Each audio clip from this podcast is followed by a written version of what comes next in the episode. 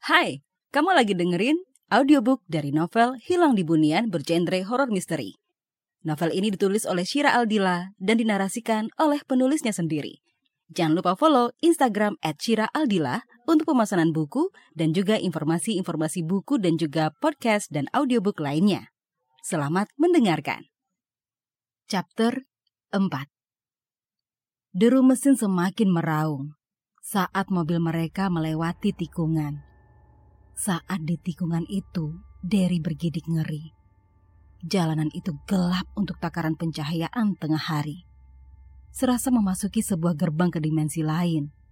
Dahan-dahan pohon yang rindang terlihat melengkung saling bertaut dengan dahan pohon lain yang berada di seberangnya.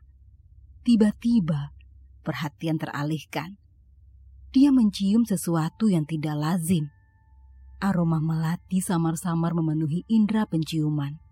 Perhatiannya terus tersita oleh bau aroma melati yang menyengat itu.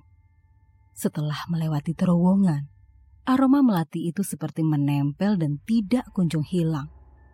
Aroma mistis itu seperti ingin mengikuti ke mana dia pergi. Dia mengendus-ngendus beberapa kali. Gelagat Derry mencuri perhatian Riko. Kenapa, Der? Tanyanya. Kayak ada bau melati gitu kok. Dari tadi nggak hilang-hilang baunya. Jawab Derry masih dengan hidung yang kembang kempis mencari sumber bau. Yakin lu, Der?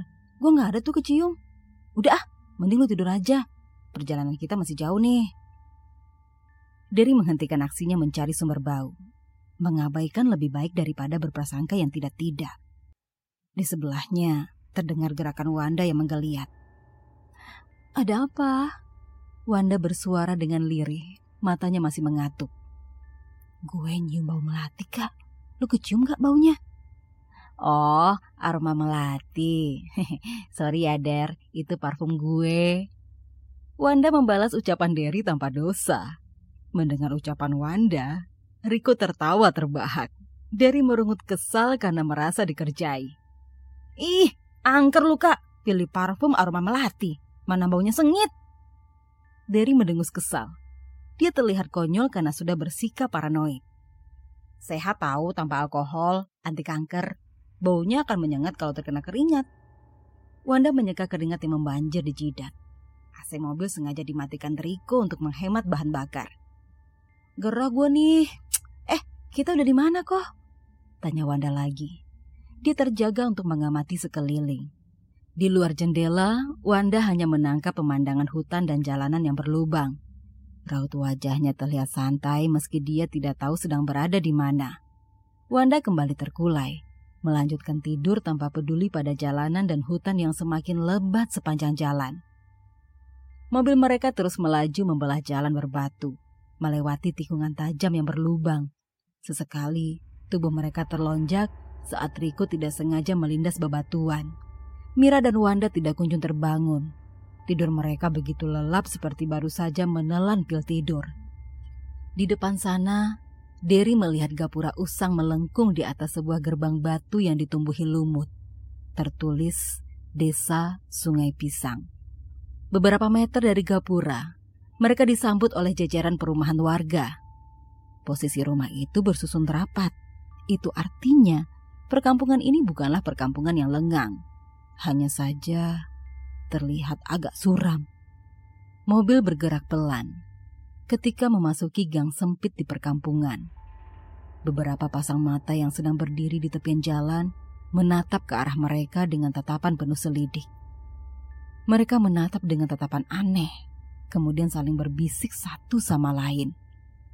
Merasa tidak nyaman, Derry membuka kaca jendela menyapa para warga.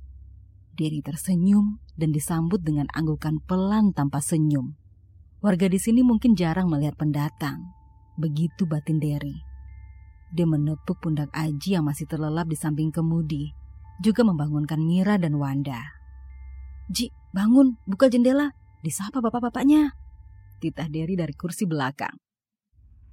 Aji tergagap karena dibangunkan dengan paksa. Setengah sadar, dia memaksakan diri untuk tersenyum kepada bapak-bapak yang berdiri di tepian jalan. Ini bukan kali pertama dia ke desa ini.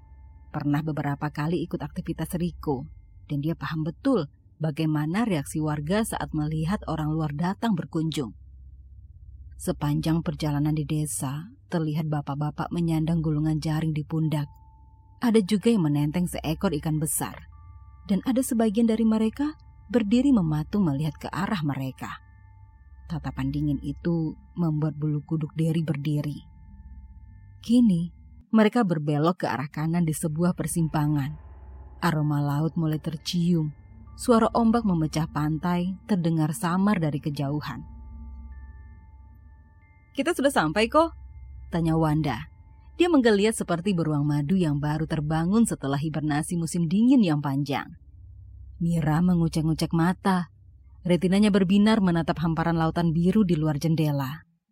Wah, seru. Pantainya keren banget. Cantik. Seru Mira antusias. Riko menatap wajah Mira dari spion kaca kabin mobil sambil tersenyum seolah tahu apa yang akan dilakukan oleh cewek yang gila kamera itu. Pasti ingin foto-foto. Demikian chapter 4, sampai berjumpa lagi di chapter selanjutnya.